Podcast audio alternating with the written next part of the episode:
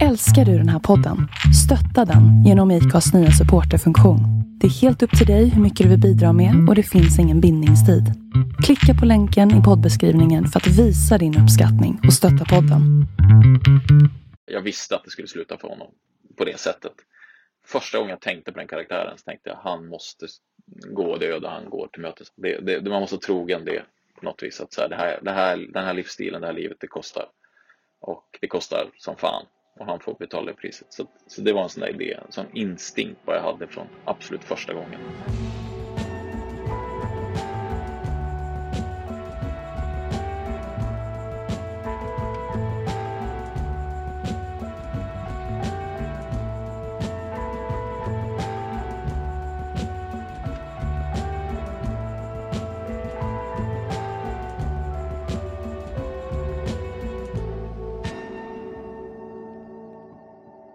Du lyssnar på historien bakom historien, en podcast om storytelling. Jag heter Martin Sandin och är till vardags regissör och manusförfattare. Den här intervjuserien handlar om den kreativa processen bakom ett verk, en film, en bok eller ett budskap. Hur berättar vi historier som skapar känsla, som får lyssnare, läsare eller tittare att minnas och vilja berätta för andra om det vi skapat?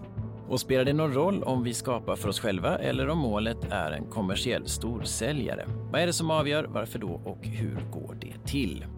För varje nytt avsnitt lär jag mig nya saker. En ynnest, det hoppas jag att du också ska göra. Nu till dagens gäst.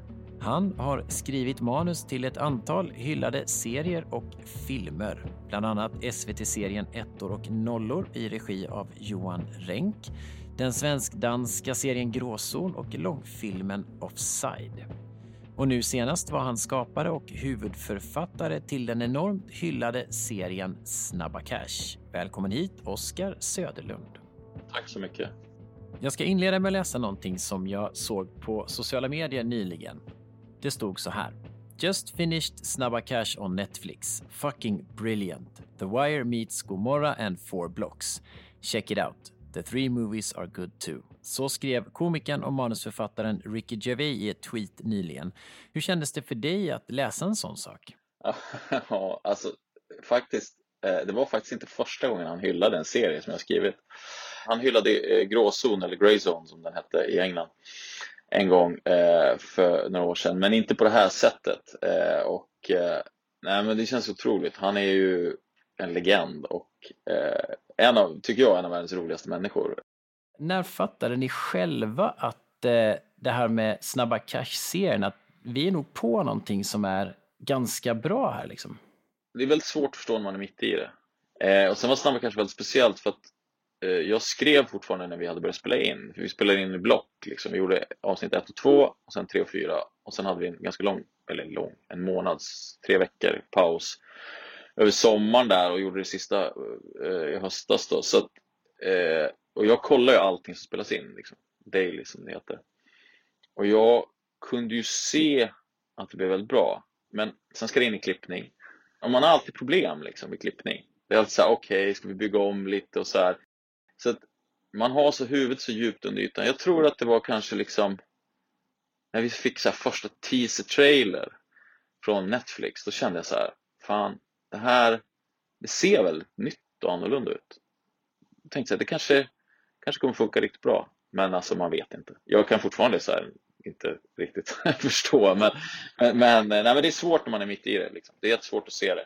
Du, eh, superspännande. Vi ska ju komma tillbaks till, till hur du faktiskt eh, fick, fick ihop det här manuset. Men jag tänker vi backar bandet lite först till Söderhamn. Hur var det att växa upp där och hur det påverkat dig?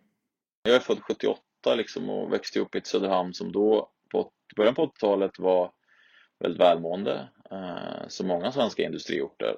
Det fanns ju liksom en, en frihet och det fanns också en närhet till natur. Och, och sådär. Men det fanns ju också, ska jag vara helt ärlig, och det ibland, man ska inte underskatta liksom tristess. För det vi gjorde när vi växte upp, det fanns ju inte så mycket att göra i Söderhamn, liksom. framförallt inte under vinterhalvåret. Utan det vi gjorde, jag och mina kompisar, var att vi kollade på enorma mängder film. Liksom, jag vet inte hur många kvällar vi har suttit hemma hos någon liksom, och kollat på film, flera filmer. Eh, och där grundlades ju något slags filmintresse. Min pappa var också väldigt intresserad av film, liksom. han var journalist och så vi tittade mycket på film och min mamma eh, läste mycket böcker och sådär så det kom litterärt där från henne och så. Men det gödde ju också någon slags längtan ut i världen tror jag. Det var liksom den där mixen av att, en trygghet men också en längtan liksom. Eh, jag, jag hade nog ändå en känsla tror jag, att världen var någonting som skedde någon annanstans liksom.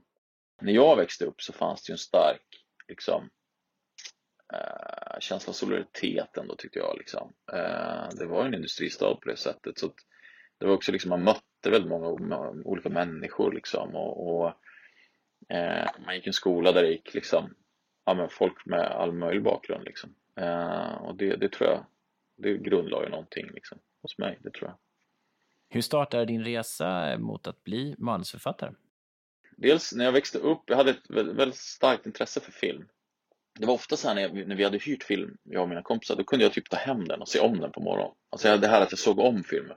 Jag hade också liksom mycket när jag var hos min pappa, att jag liksom skulle se om samma film om och om igen. Liksom. Eh, trots att jag sett den alltså 50 gånger. Så jag hade ett så superstort intresse för, för film.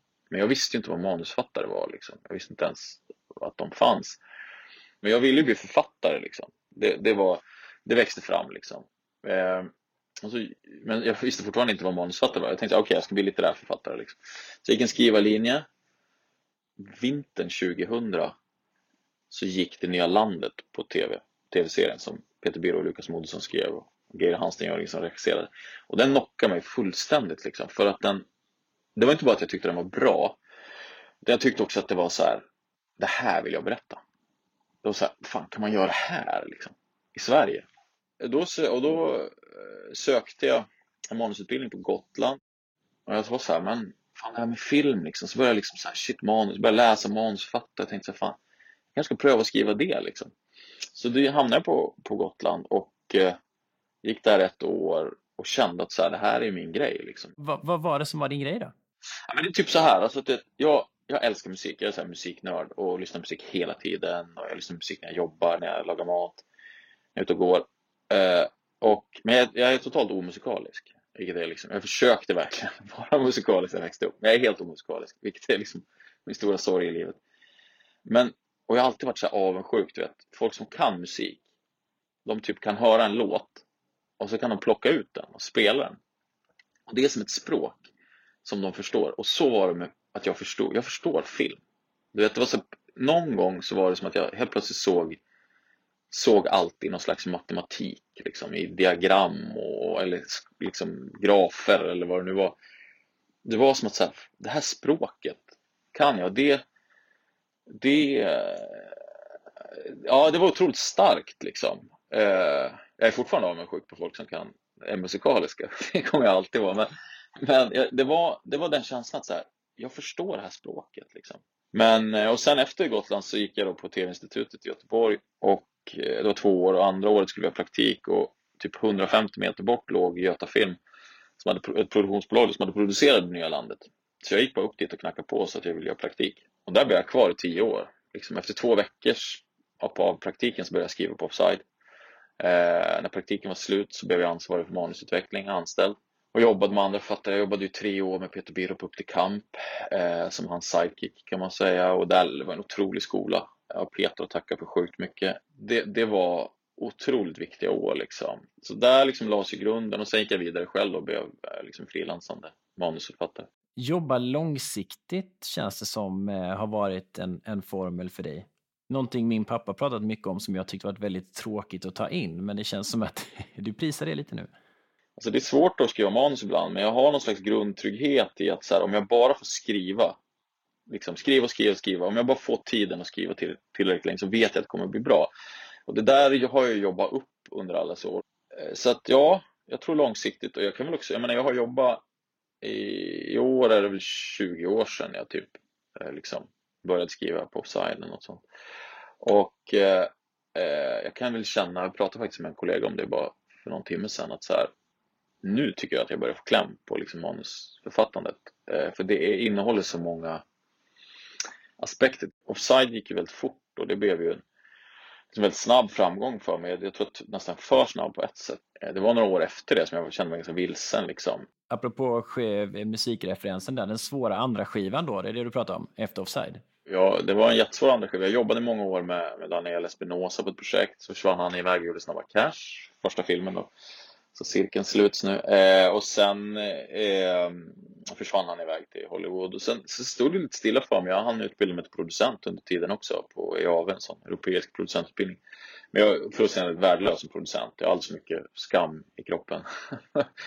Om någon säger nej till mig, då går jag därifrån. Det är, liksom, det, är det jag gör, medan en riktig producent bara stannar kvar och tjatar hål i huvudet på folk. Men, eh, nej, men så jag hade några år där, och så här, och, men också hitta liksom för offside var ju en del av min röst liksom. Och så var det så här, men jag har nog någon annan grej jag vill berätta också. Och allt ledde ju fram till slutet till 1 och 0 liksom. Som ju blev någon slags vändning igen liksom. Offside var en första vändning, vändpunkt. Men, men 1 och 0 var en, en andra. Också för att Johan Renck, liksom att få jobba med honom var det, liksom är också, det är ett av de enskilt viktigaste samarbetena för min karriär, det kan jag se i efterhand. Liksom. Och efter det har det bara rullat projekt på på projekt liksom. Gråzon, jag gjorde säsong två, Rebecca Martinsson och sådär. Så det, det har liksom bara rullat på och Snabba Cash nu. Så att, så att eh, där vänder det igen liksom på något vis. Den där perioden när du liksom var lite viktlös, vad, hur höll du dig kvar liksom vid dina drömmar och hur, hur vågar du fortsätta satsa på dig själv när du kanske till och med ibland tänkte så här, oh, dåliga, dåliga Oscar liksom? Jag tror att jag var lite naiv kring kring offside att jag trodde att det skulle räcka. Liksom. Den gick jätte, jag tror den sågs av 275 000 på bio och det var jättebra. Så. Men det jag kände var att den liksom hierarkiskt i film, svenska filmbranschen var jag fortfarande på en ganska låg position. Liksom. Det, var inte, det var inte fint nog. Liksom. Eh, och för att vara liksom någon som kommer från Söderhamn med ganska litet kulturellt kapital i ryggen så påverkade det mig. Liksom. Som tur var så under tiden, så, som sagt jag jobbade med Peter Birro på Upp till kamp under tiden så att jag liksom fick också låna lite av hans liksom driv och, och, och jag fick se, se mycket av liksom han, hade ju, han har liksom så otroligt stark röst, Peter. Liksom. Det var skönt att få gå bredvid honom ett par år.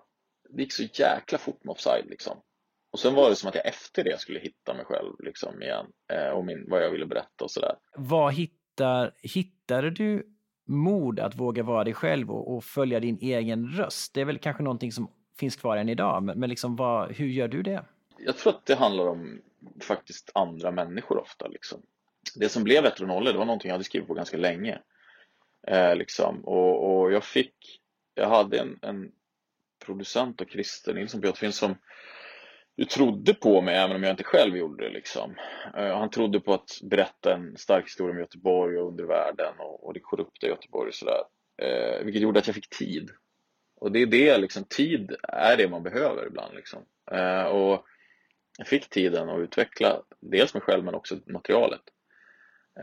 och när ett och sen föll på plats, då var det också som att jag hittade något med det som kändes jag hittar en röst, jag hittar framförallt att jag vill berätta med väldigt starkt driv. Liksom.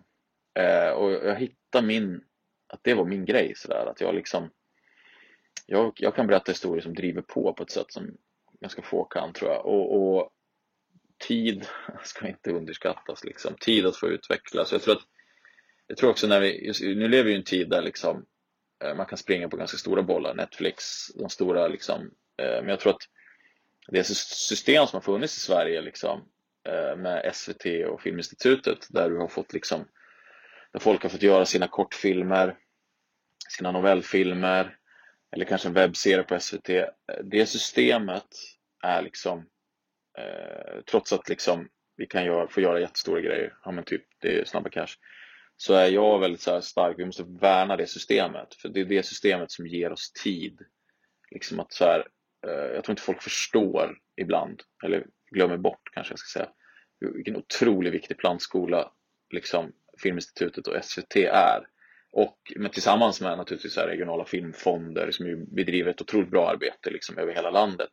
Eh, du vet, det är som när folk pratar om så här, svenska så här, eh, musikundret. Man bara, ja men det är ju kommunala musikskolan. Eh, och i Sverige när det gäller film och tv så har vi ett fantastiskt system med regionala filmfonder. Du kan få, göra, du kan få pengar till en kortfilm i princip vart du än bor i Sverige. Du kan få kanske hjälp med utrustning. Eh, du kan få, få liksom stöd för kortfilmer från SVT, Filminstitutet, regionala filmfonder. Du kan få tid att hitta liksom. du kastas inte ut till liksom lejonen direkt. Jag är jätteglad för Netflix. Jag tycker det är sjukt kul att jobba för dem och det vill jag gärna fortsätta med. Men jag är också lite en produkt av ett och det är många av oss som jobbar som har, gått, som, som har kommit långt. Liksom. Vi är produkter av ett gräsrotssystem som är värt att bevara. Liksom. Jag menar, de flesta slänger ju liksom slentrianmässigt skit på Filminstitutet eller SVT och sådär. Det kan man väl göra. Man kan kritisera dem för massa saker men det är, ett, det är, ett, det är en slags inkubator tycker jag. För, precis som kommunala musikskolan är för musik. Eh, så, så det är värt att mm. komma ihåg tycker jag. Vad är en bra historia tycker du? Det är en väldigt bred och generell fråga, men, men vad är en bra historia?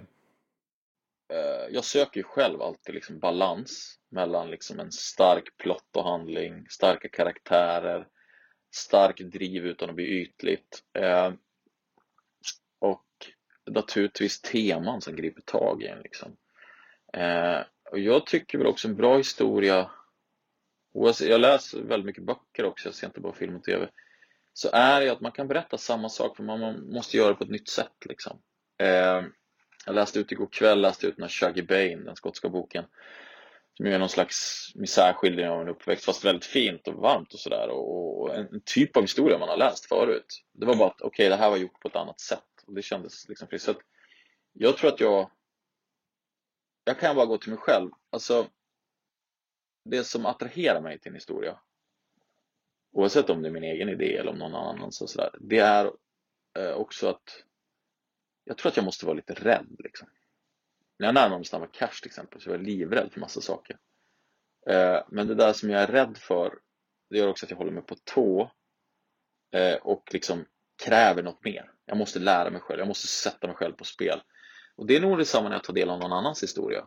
Att så här, jag måste känna att så här, men det här jag har jag inte sett på det här sättet förut. Liksom. Det här var något nytt. Det är någon som har liksom försökt pusha det lite längre. Liksom. Vad var du rädd för som du nämnde inför Snabba Cash? Flera saker. Eh, dels så var det eh, naturligtvis så var det ju sådär hur bygger man vidare på något som har funnits utan att göra folk besvikna samtidigt som jag kände liksom para det med en, en lust att göra något helt nytt liksom. Men sen var det naturligtvis ämnet och sådär framförallt att sådär eh, ja, men jag var väldigt liksom, respektfull kring, är jag rätt person att gå in i den här världen, liksom, framförallt den kriminella världen då, bland ganska unga människor och gestalta det. Ett, liksom, får jag det? Och då är svaret så här, ja, jag får berätta vad jag vill. Liksom. Eh, och, och, såklart, jag känner stark lust att berätta det. Nummer två var ju så här, hur ska jag rent liksom, metodiskt gå tillväga? Vad ska jag använda för metod för att knäcka det här? Liksom språkligt, dialogmässigt liksom. Eh, och det fick jag ju uppfinna medan vi liksom körde. Och sen är det ju en rädsla att Snabba Cash, vi försöker göra någon slags dramahistoria, men det är klart att den rör sin gangstergenre. Liksom. Och eh, det är ju en ganska trött genre, kan jag tycka ibland. Liksom. Eh, innehåller mycket klichéer eh, och ibland försöker den vara lite gangstergrejer, försöker ofta vara lite, kanske lite för cool för sitt eget bästa. Eh, jag var jätterädd för att framstå som en snubbe som försökte göra något coolt liksom.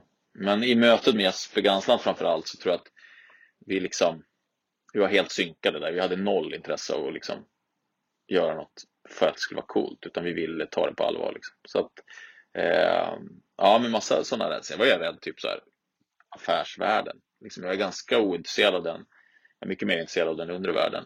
Eh, kommer jag kunna lösa det liksom? Därför jag ta lite hjälp av liksom, en avsnittsförfattare och sådär ibland för att putsa på grejer. Så man får också erkänna sina liksom, begränsningar ibland och ta hjälp. Liksom. Och vad gör du när du blir rädd? Ja, men först, först slår jag bara från mig. Jag tackar nej till Snabba Cash först.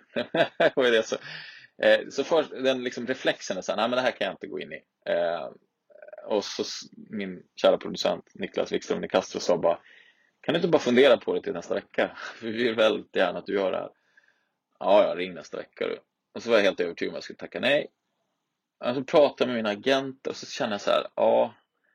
Och så fick jag fatt på det, okej okay, jag är rädd. Och då blir jag nyfiken. Okej. Okay.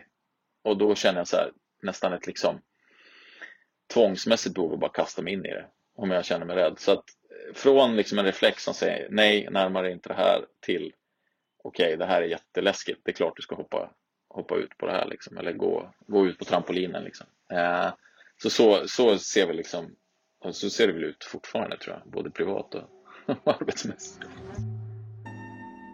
Eh, om vi tar då till exempel gråzon, eh, offside, ettor och nollor. Vilka stora misstag har du gjort i din karriär när du skriver som du hela tiden tar med dig som typ nästan som ett laminerat litet kort som du sätter där du sitter och skriver? Jag har en förmåga att göra det svårt för mig. Liksom. Eh, jag vill alltid berätta väldigt komplexa historier. Eh, men komplexa historier måste ha en tydlig plott. Liksom. Alltså det är, det komplexa karaktärer, tydlig eh, story. Liksom. Eh, det är där jag vill landa, men det gör att jag ibland gör det svårt för mig. Liksom. Eh, samtidigt är det där det som jag på något vis, det är nog både en styrka och svaghet tror jag, att vilja göra det svårt för sig själv.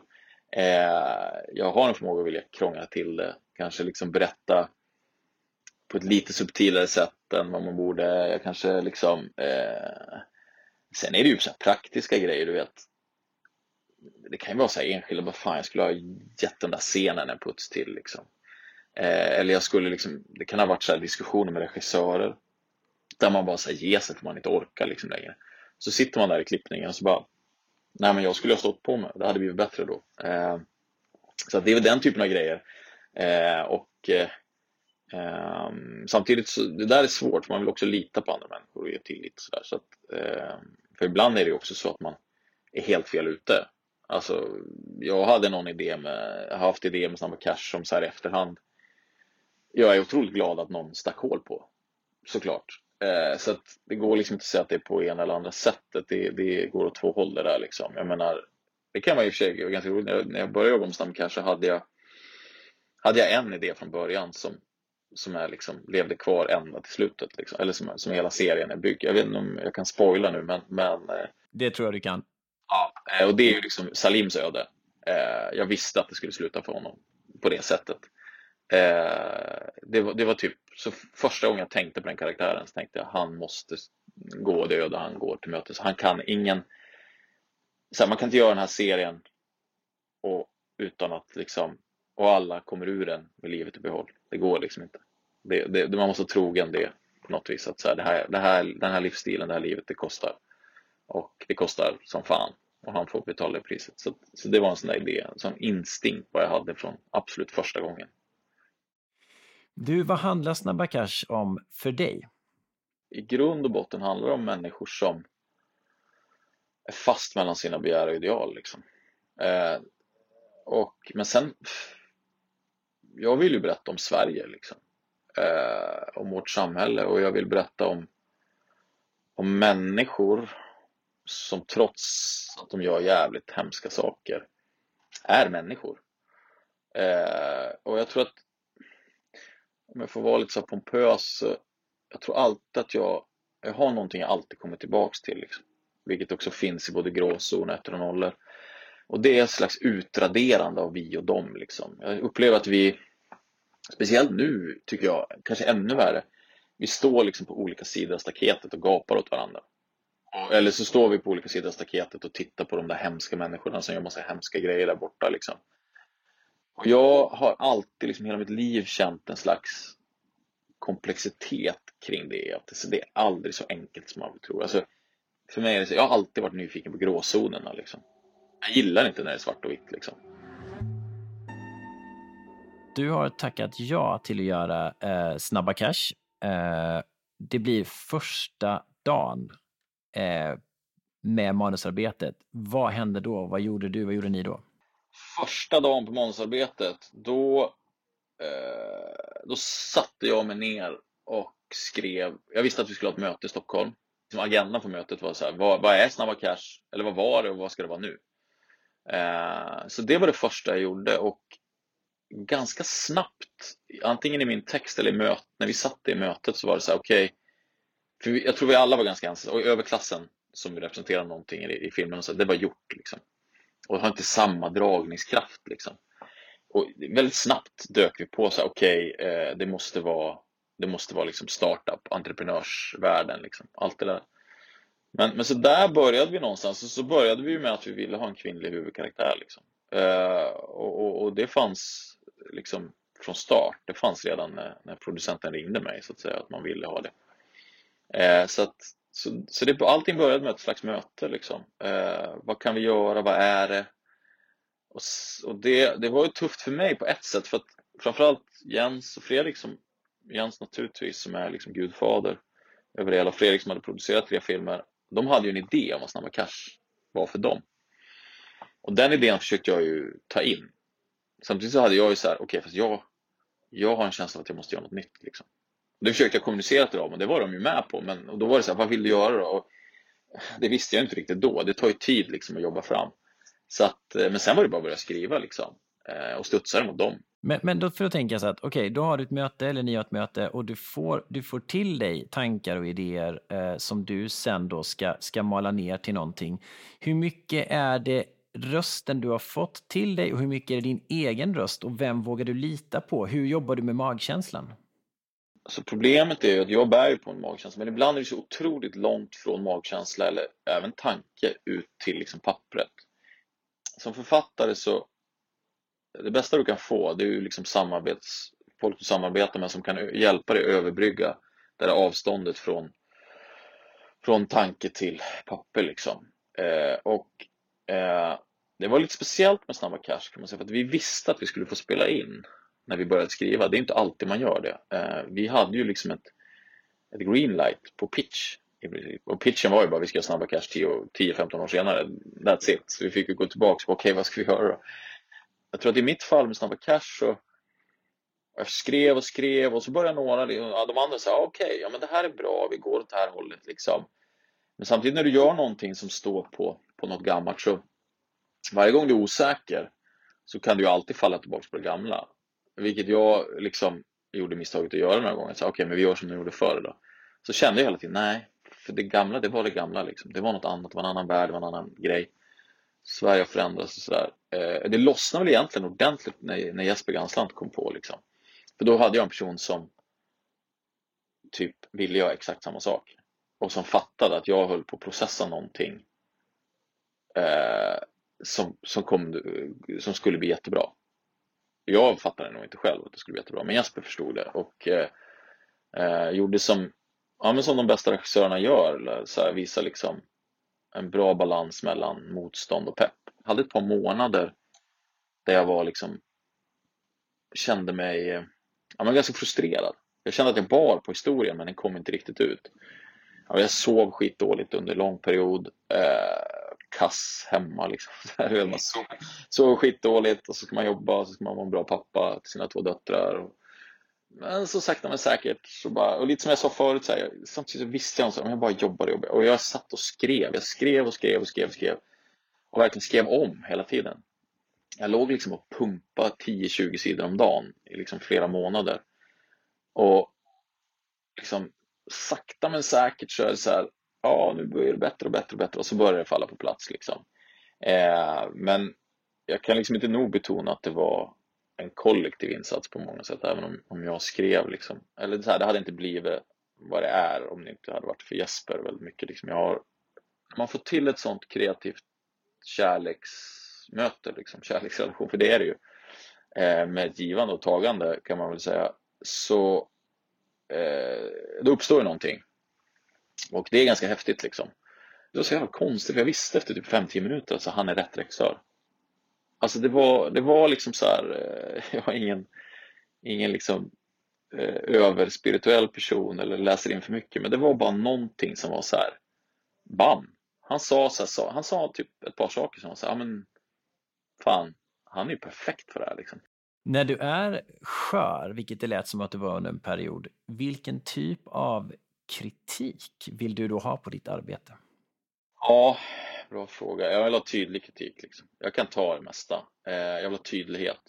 Och jag vill nog också ha att folk drar åt samma håll. Liksom. Det var press på Snabba Cash. För att det är ett, alla visste att det skulle göras. Vi liksom, gick ju sakta men säkert mot inspelning. Så folk började anställa team och allting med manus var inte klara. Det brukar ju vara klara manus innan teamet börjar. Liksom. Eh, och alla, liksom, det fanns ju perioder när alla var så här, vad fan ska det här bli liksom? Och alla gick runt, jag kan nog tänka mig att alla producenter och alla på SF som producerar serien hade stunder när de tänkte så här, vad håller den där Oscar på med liksom? Men jag, och det är helt okej, okay. det, det, vet jag att vissa, men det var för att liksom jag, gick, jag hade något så starkt i mig, men det kom inte riktigt ut liksom. Eh, men kritik, det får man hela tiden och det, jag, det lär man sig att hantera och sådär. Och, och, jag är också ganska bra tror jag på att bara se att så här, men det där var bra, det där var inte bra. Hur, hur skapade du strukturen för Snabba Cash?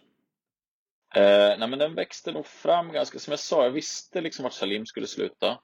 Eh, jag visste att vi skulle ha en öppning på Leia, liksom Evins karaktär. Eh, och jag visste också att jag på något vis ville avsluta Tim-karaktärens, liksom, eh, eller inte avsluta, jag ville liksom skapa ett slags slut på den. Som kände så här, hej, vad går han för framtid mötes liksom. Väldigt tidigt, alltså extremt tidigt faktiskt, jag tror på första mötet så typ bestämde jag att så här, avsnitt 5 ska vara vårt actionavsnitt. För liksom, jag jobbar mycket med energi när jag jobbar med struktur. Liksom. Idén om att så här, vända saker och ting. Eller kasta in någonting som bara skapar energi. Liksom. Eh, och när jag liksom, så här, det var ganska tydligt så här, okej, okay, vi har en huvudkaraktär, Leia. Hon är i en värld. Hon ska träda in i en annan värld. Hon ska ta hjälp av den världen för att lyckas i, i sin startup-värld. Liksom. Eh, och hon ska röra sig mellan de här två världarna. Hon ska åka hiss mellan dem. Liksom. Det, och det skapar en viss struktur. Det skapar ett slags, okej okay, vi har ett, en struktur där vi måste ha henne i businessvärlden och vi måste ha henne ganska mycket i den kriminella världen. Men hon ska inte vara i kriminella världen från start. Okej, okay, då har vi någon slags struktur liksom. Så tittar man på den att så här, okay, hon ska använda eh, liksom den undre världen för att lyckas i, i startup-världen. Ja, okej, och när gör hon det? Ja, så såg man ganska tidigt, okej, okay, hon ska gå till, till sin svåger Ravy eller före detta svåger i slutet av avsnitt två. Okej, okay, men då kommer det gå ganska bra för henne i avsnitt tre, för de har fått pengarna. Det är också det svåraste avsnittet på många sätt, för när det är alltid svårt när det går bra för en karaktär. Uh, och sen måste vi liksom ställa till massa bekymmer för henne i avsnitt fyra, som leder in i det här stora actionavsnittet. Liksom. Det kanske låter flummigt, men, men det gav en viss struktur. Liksom, att, att så här, jag ville inte att avsnitt 6 skulle vara liksom det stora action-klimaxet. För att det här var en serie där det är klart det finns massa action i sexan också. Men det är en serie där liksom eh, som handlar om karaktärer. Så jag ville liksom inte bara ha, göra det enkelt för mig. Okej, okay, och nu ska det vara en stor shootout på slutet liksom. Och så pang pang och så dör den och så överlever den och så är allt bra. Jag ville verkligen ha en känsla av så här någonting krypande mot sista avsnittet. Jag ville att alla karaktärer bara skulle dras till, till slut, till slut liksom. Men att femman avsnitt 5 skulle vara ett stort det skulle ha, innehålla en väldigt stor actionsekvens och det gör det ju. Den styrande principen på strukturen kan man väl säga, Snabba Cash, är ju Leia. Det är ju hennes val och beslut som styr strukturen och då försöker jag låta karaktären styra den strukturen. Sen är det klart att jag jobbar med liksom vändpunkter och du vet, linjer och akter och sådana saker, självklart. Men den styrande principen, det är Leias beslut. Jag uppfattar liksom som också att hon alltså karaktärerna är, du pratar om subtilitet och gör det svårt för dig. Alltså att karaktärerna har en, en, en karaktärsutveckling som är väldigt fin och väldigt, väldigt osvensk. Vi har, vi har Salim eh, som, som är en kallblodig mördare och vi har Leia som är, skulle jag säga, motsatsen till honom. Hon gör en motsatt resa. Och sen har vi Ravy som, som bara är helt viktlös. Vi vet inte så mycket om honom. Han är någon sorts balansakt mellan de här två för att vi ska få en vikt, en motvikt mot dem. Hur tänkte du kring de här tre huvudkaraktärerna när du mejslade ut dem? jag tror jag kände att Leia och Salim ska kryssa varandra lite grann. Liksom. Eh, och en anledning till att Salim ska dö på slutet, det var för att, eh, det låter kanske konstigt, men han är som han är den lyckligaste karaktären på slutet.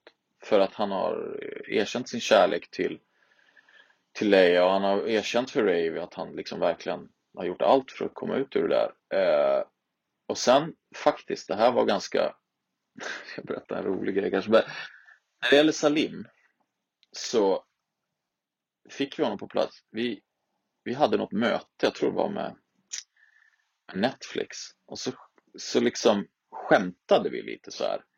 Ja, det låter ju som typ, för jag, jag sa någonting, ja men det är ett hjärta som tinar liksom. Så bara, men det låter ju som Frozen liksom, den här Disney-filmen. Och Jag bara, ja det är precis det det är. Det är precis det det är. Liksom. och det var så här, fast, och, ja, kul skämt liksom, bara, nej nej, vi ska jobba med det, vi ska jobba med att det är Frozen. Det är ett hjärta som tinar. Det är ett fruset hjärta som tinar i mötet med Leia. Jag menar, man kan säga mycket om, om Frozen och Disney, men strukturen på deras karaktärer är ju liksom magisk. Så det blev faktiskt en sån här ledgrej, att så här, men Salim är liksom, jag berättade aldrig det här för Alexander, han, han som spelade Salim, han, han har fått veta det efterhand och sen varför berättar han inte det? Men jag tror att vi ville över liksom analysera, men det var så här, ja det, det, det är Frozen liksom. Det här, när jag började skriva det här så var vi liksom mitt i liksom värsta grejen liksom. Och vi var, ja men du vet, och det var Bolsonaro, Brasilien hade precis kommit till makten. Det var en känsla av så här, en värld som kändes jävligt liksom girig och liksom eh, och, och, och, jag gick samtidigt själv på ett personligt plan och funderade mycket kring ideal versus begär liksom. Eh, vad, vilka vi vill vara, vilka vi egentligen är och sådär. Och då insåg jag att okay, alla karaktärer ska ha en kamp mellan liksom, ideal och begär. Liksom. Eh, och i Leias fall så hon förlorar ju till sina liksom, begär. Eh, Salim, han står ju för till slut för sina ideal. Och det kostar honom otroligt mycket. Rave är ju, liksom, han har ju ideal eh, som är liksom snarare en slags familjeideal. Liksom. Han vill ju hålla ihop sin familj. Liksom. Han säger det till Leia, vi är familj liksom, och han har sina liksom, underhuggare som är hans familj och så vidare. Men eh, till slut vinner ju hans begär över honom också när han faktiskt liksom ger sig på och straffar sin, sin egen familj som Salim då. Eh, så, att, eh, eh så det var något jag liksom tänkte mycket på karaktärerna. Ideal versus begär. Men som jag sa med Leia så var det hon växte fram parallellt. Alltså Evin kom på och bidrog så sjukt mycket liksom. Eh, hade ju, har ju själv gjort en resa liksom in i kultur finansvärlden och det här var en karaktär som gjorde en, motsvarande in i finansvärlden. Så att, eh, och ganska snart när Evin kom på så upptäckte vi en grej och det var så här, Leia vill aldrig vara ett offer liksom. Eh, det fanns saker skrivna innan Evin kom på som var så här, där hon var lite mer offer. Beklagade sig, tyckte synd om sig själv. Men Evin var ganska tydlig, så hon, kan, hon se, vägrar se sig själv som ett offer. Trots att hon är det. Hon är ett offer för massa saker, omständigheter och konstigheter och, och så vidare. Karaktären Tim, vad hade han för funktion? Jag upplever att han lite grann var en väg in också eh, för publiken. Va, hur, hur tänkte du när du skrev honom? För han korsar ju också Salim på ett sätt. Ja, men absolut, men jag, jag ville ha, jag ville ha liksom också en, en känsla av liksom oskuld någonstans i berättelsen. Liksom. Eh, någonting eh, som, som liksom, eh, men också en ganska så simpel historia på många sätt. Att så här, eh, det kan gå illa snabbt. Liksom. Så funktionen med Tim var, liksom, eh, det var också att ge någon slags motvikt till två ganska extrema världar. Liksom. Du har extremkapitalismen och du har liksom extrema knarkhandeln. Så jag ville ha en värld som också var så här, ja, men ganska vanlig. Liksom. Eh, där, som var typ så här, impa på sin tjej, eh, ha tråkigt med polarna eh, och ja, men du vet, all, all den typen av grejer. Det kändes viktigt liksom också för att säga att, att liksom, allt är inte extremt. Liksom. Eh, men också för och som du säger, den här relationen till Salim. Liksom, det är inte många scener men det är ganska viktigt liksom, att, så här, eh, att Salim ser någon som han inte tycker borde vara i den här världen. Och han vet själv hur hemsk den här världen är så han försöker stoppa det. Liksom. Det, är inte, det är inte en jättestor historia men den är väldigt viktig, eh, tycker jag. Eh, väldigt viktig också för att ja, men visa något annat liksom. Och inte göra allt så extremt. Du nämnde i början att, att när du liksom så att säga som eh, de säger i skolan när min dotter går, man knäcker läskoden, så knäckte du filmkoden berättar du, och du började se saker på ett visst sätt. Eh, eh, hur ser det liksom konkret ut när du, när du mejslar ut det du precis har berättat? Är det lappar, är det diagram, drar du linjer? Va, vad händer? Ja, men, eh, när vi sitter i rum ihop, eh, vilket vi gör, liksom, eh, så, då är det ju whiteboard. Liksom. Och då är det bara att punkta upp det. Liksom. sen tar jag med mig det hem och så eh, eh, skriver jag liksom jag plottar ut allting liksom, i, i, i, ett, i ett dokument på datorn. Eh, jag jobbar inte själv med, liksom, jag har en stor whiteboard på mitt kontor, så här, men jag, jag, jobbar allt med, liksom, jag har en väldigt stor dataskärm så jag ska kunna få överblick. Eh, så jag jobbar väldigt så, punktar upp allting. Liksom. Punkt för punkt för punkt, scen för scen för scen för scen. Eh, och jag, jobb, jag jobbar alltid parallellt med karaktär och, och, och story. Jag sätter mig inte och liksom skriver en stor karaktärsbibel. Och, och, för då har jag, jag försökt göra det men nu upplever jag att jag blir liksom låst. det brukar se ut så att vi samlas i möten liksom eh, och eh, diskuterar vad det nu som ska diskuteras, ett enskilt avsnitt eller några större liksom, grejer karaktärsmässigt. Och sen går jag tillbaks, skriver det och liksom, ja, och i, i, när det är avsnittsförfattare med då lämnar man ifrån sig det och, och sådär. Eh, sen tar jag ju alltid över skrivandet eh, från avsnittsförfattaren liksom. Eh, och gör alltid sista liksom, vändorna med det sista avsnittet, precis som du har beskrivit, satt ju jag och säkert många med mig med en extrem ångest eh, inför vad som skulle hända med våra karaktärer. Liksom, det stod mycket på spel för våra karaktärer och det är ju någonting, jag, vi, vi plöjt lite böcker, bland annat Elias Egre skriver om att man måste ju gå långsamt fram för att bygga någonting som verkligen känns. Du kan inte hoppa från en till en annan grej. Hur prickar du av det här liksom? när jag satt med de sista två avsnitten om Snabba Cash, liksom, jag skrev dem under sommaren, eh, nästan maniskt, liksom, eh, när allt börjar falla på plats. Så det upptar ju min liksom, hjärnverksamhet något otroligt. Liksom. Det är som att vara en bubbla och, och som att vara kidnappad mentalt av någonting. Liksom. Eh, för att och, ja, och där måste man ju lita på sin magkänsla också. Liksom. Eh, men sen som du säger så handlar det ju om att kanske titta bakåt då när man börjar närma sig de sista avsnitten att så här, har vi byggt det på rätt sätt? Har vi skapat rätt balans mellan ideal och begär? Kommer vi förstå varför hon förlorar mot sina begär och sådär? Men jag tror också att det handlar om att tro på det du gör liksom. Eh, och inte och inte väja för konsekvenserna. Det jag gör när jag börjar med ett projekt alltid, det är att hitta min spellista till det. Varje projekt har sin spellista liksom musik är så sjukt viktigt för mig för att sätta liksom i ton. Och Snabba Cash spellista, den är speciell på det sättet att jag kan omöjligen lyssna på den om jag inte jobbar med Snabba Cash. Liksom, jag, det finns massa andra liksom, spellistor jag har till projekt som, som man kan, för, för att det är fin musik. Du vet, det låter bra.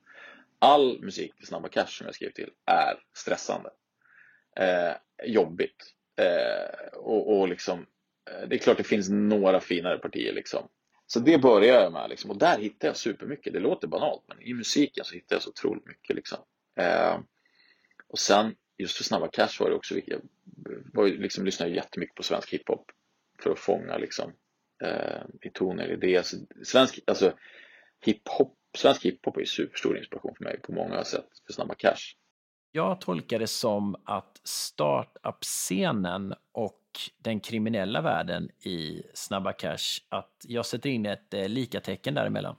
Jo, det får du gärna göra. Nej, men alltså det är klart att, att en del av Snabba Cash för mig var liksom att hålla upp de här två världarna Eh, bredvid varandra och säga okej, okay, hur skiljer de sig åt, men framförallt hur är de lika? Liksom att det är så här, det må vara adressat på olika sätt, men drivkrafterna och begären är ju samma i båda världarna. Det är ju båda liksom det är två extrema former av kapitalism. Liksom. Den här überrika liksom, Thomas Storm och knarkhandeln som ju verkligen agerar efter liksom, tillgång, efterfrågan och så vidare. Så det är klart att det är ett, liksom, eh, en undersökning av det. Eh, och, och, inte på ett politiskt sätt tror jag, utan snarare liksom ett slags ja, men så mänskligt sätt. Och när du skrev eh, Thomas Storm-karaktären, satt du och fnissade då? Eller är det Olle Sarri som har gjort honom liksom helt, jag vet inte vad? Nej, men jag satt och fnissade, absolut. Eh, det fanns stunder när jag tänkte så här, gud, kan jag liksom gå så här långt? Det, det, det finns ju sånt som inte kom med som är liksom, det är svårt att hålla en balans liksom. Jag tror att det är så, liksom, jag har ju sett en del, den kritik som har kommit, framförallt det kommer från, mot serien, det har kommit från så här folk i startup-världen som har sagt, men så här är inte startup-världen. Och liksom, jag är så här, ja, nej det är det säkert inte liksom, men det är min bild av startup-världen. Säg att den är fel då kanske, men, men eh, liksom, eh, och sen är ju allting, alltså så här, skulle man göra startup-världen realistisk, precis som den är, så är det ointressant, för det är tråkigt. Liksom, den kriminella världen är ju inte heller så där, den är ju tillspetsad. Alltså, de kriminella sitter ju mest liksom och bara väntar på att något ska hända, men det ju, kan man ju inte berätta en tv-serie om, det är liksom ingen som ser det när man skriver om den här typen av saker, både då om startup och, och en, den kriminella världen, vilken typ av ansvar tycker du att du har för, för historien, alltså längre ut än, än skärmen och texten? Nej, men det är klart jag har ett stort ansvar. Jag har ju ett ansvar. Alltså, du frågade förut vad jag var rädd för liksom, när jag gick in i det. Det är klart jag var rädd för att romantisera en värld som är hemsk. Liksom. Och den romantiseringen, den finns ju, så fort du gör någonting så romantiserar du för att du berättar om det. Sen kan du göra hur hårt du vill och sådär Alltså jag går ju in och hämtar historier liksom. Och så filtrerar de genom mig och, och det jag skriver om är inte självupplevt. liksom. Mitt ansvar är att tillföra de här människorna saker som gör dem mänskliga. Det är mitt ansvar liksom. Jag tar inte ansvar för deras handlingar och så vidare utan jag tar, liksom, eller, jag tar ansvar för det jag skriver men jag tar ans framförallt ansvar för att, att ge dem mänsklig gestalt. Liksom. Eh, och, och, nu hade jag turen att, och liksom få skådespelare också som, som hjälpte till med det. Eh, och eh, också hjälpte till med liksom, att få till det. Vi, vi hade ju så här readings av manus där, vi, liksom, där jag putsade dialogen. Där vi liksom verkligen sa till skådespelarna så här, okej, okay, läs repliken som du skulle läsa, säga den. Så kunde jag ändra i manus liksom. Och i syvende och sist så, så är det också det är deras kroppar som står där ute och representerar det här. Liksom. Eh, så jag har ett ansvar att, att se till att de känner sig trygga med det de ska gestalta. Okej, sist men inte minst här då. Eh, eh, Oskar Södlunds tre tips för att skapa en historia som fastnar hos publiken. Vad gör jag? Vad ska jag göra? Komplexa karaktärer med tydlig story. Det återvänder jag alltid till. Eh, jag skulle säga att det är liksom det, det räcker som, som det stora rådet. Liksom. Sen, ja, det råd nummer två är att ta din värld på allvar. Liksom. Eh, jag tycker det finns en tendens, framförallt i Sverige ibland, att mycket kring när vi har kriminal, historier som bottnar någon slags kriminalitet, att det är, liksom, det är vad du har läst i en artikel på DN, i DN liksom. eh, man måste gå djupare i det liksom, och verkligen gå på djupet av den världen. Eh, det behöver inte vara en värld du själv är del av. Liksom. Då, då, får man ju hitta metoder. Liksom. så att det journalistiska arbetet, researcharbetet ska inte underskattas. Och sen tror jag det sista rådet är ju Alltså man ska se till att omge sig med bra folk. Det, det eh, som omfattar det beroende av liksom, fantastiska medskapare av någonting. Eh, och, och, det, det är Snabba Cash ett bevis på. Eh, det är bara att anteckna och, och ta med helt enkelt, eh, känner jag. Du, eh, stort, stort tack för att du var med och delade med dig av det här. Väldigt spännande. Tack så hemskt mycket. Tack för att jag fick komma och berätta. Stort tack för att du har lyssnat på Historien bakom historien, en podcast om storytelling med mig, Martin Sandin. Vi skulle uppskatta väldigt mycket om du delar och sprider ordet om den här serien. Det är genom att du lyssnar som vi kan fortsätta prata storytelling med spännande gäster. Programmet är producerat av Open Shop. Besök oss på openshopfilm.com. Tills nästa gång, må väl, skriv ner dina tankar och fortsätt göra världen lite bättre.